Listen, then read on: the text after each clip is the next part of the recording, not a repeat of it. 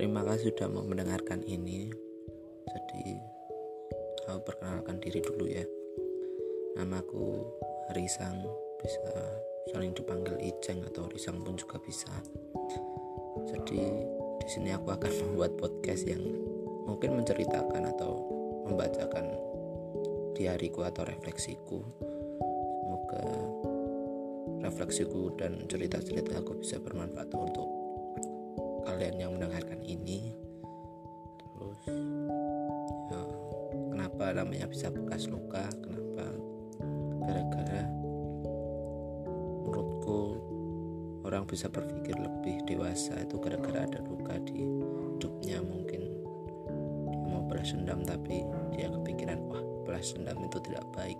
Nah di situ aku menyimpulkan kalau bekas luka atau keadaan adalah yang memaksa untuk kita menjadi lebih baik atau lebih dewasa lagi. Maaf kalau misalnya podcastnya ini nggak nyambung di otakmu atau di para pendengar-pendengarku yang lain. Maaf juga kalau ini terlalu sederhana juga.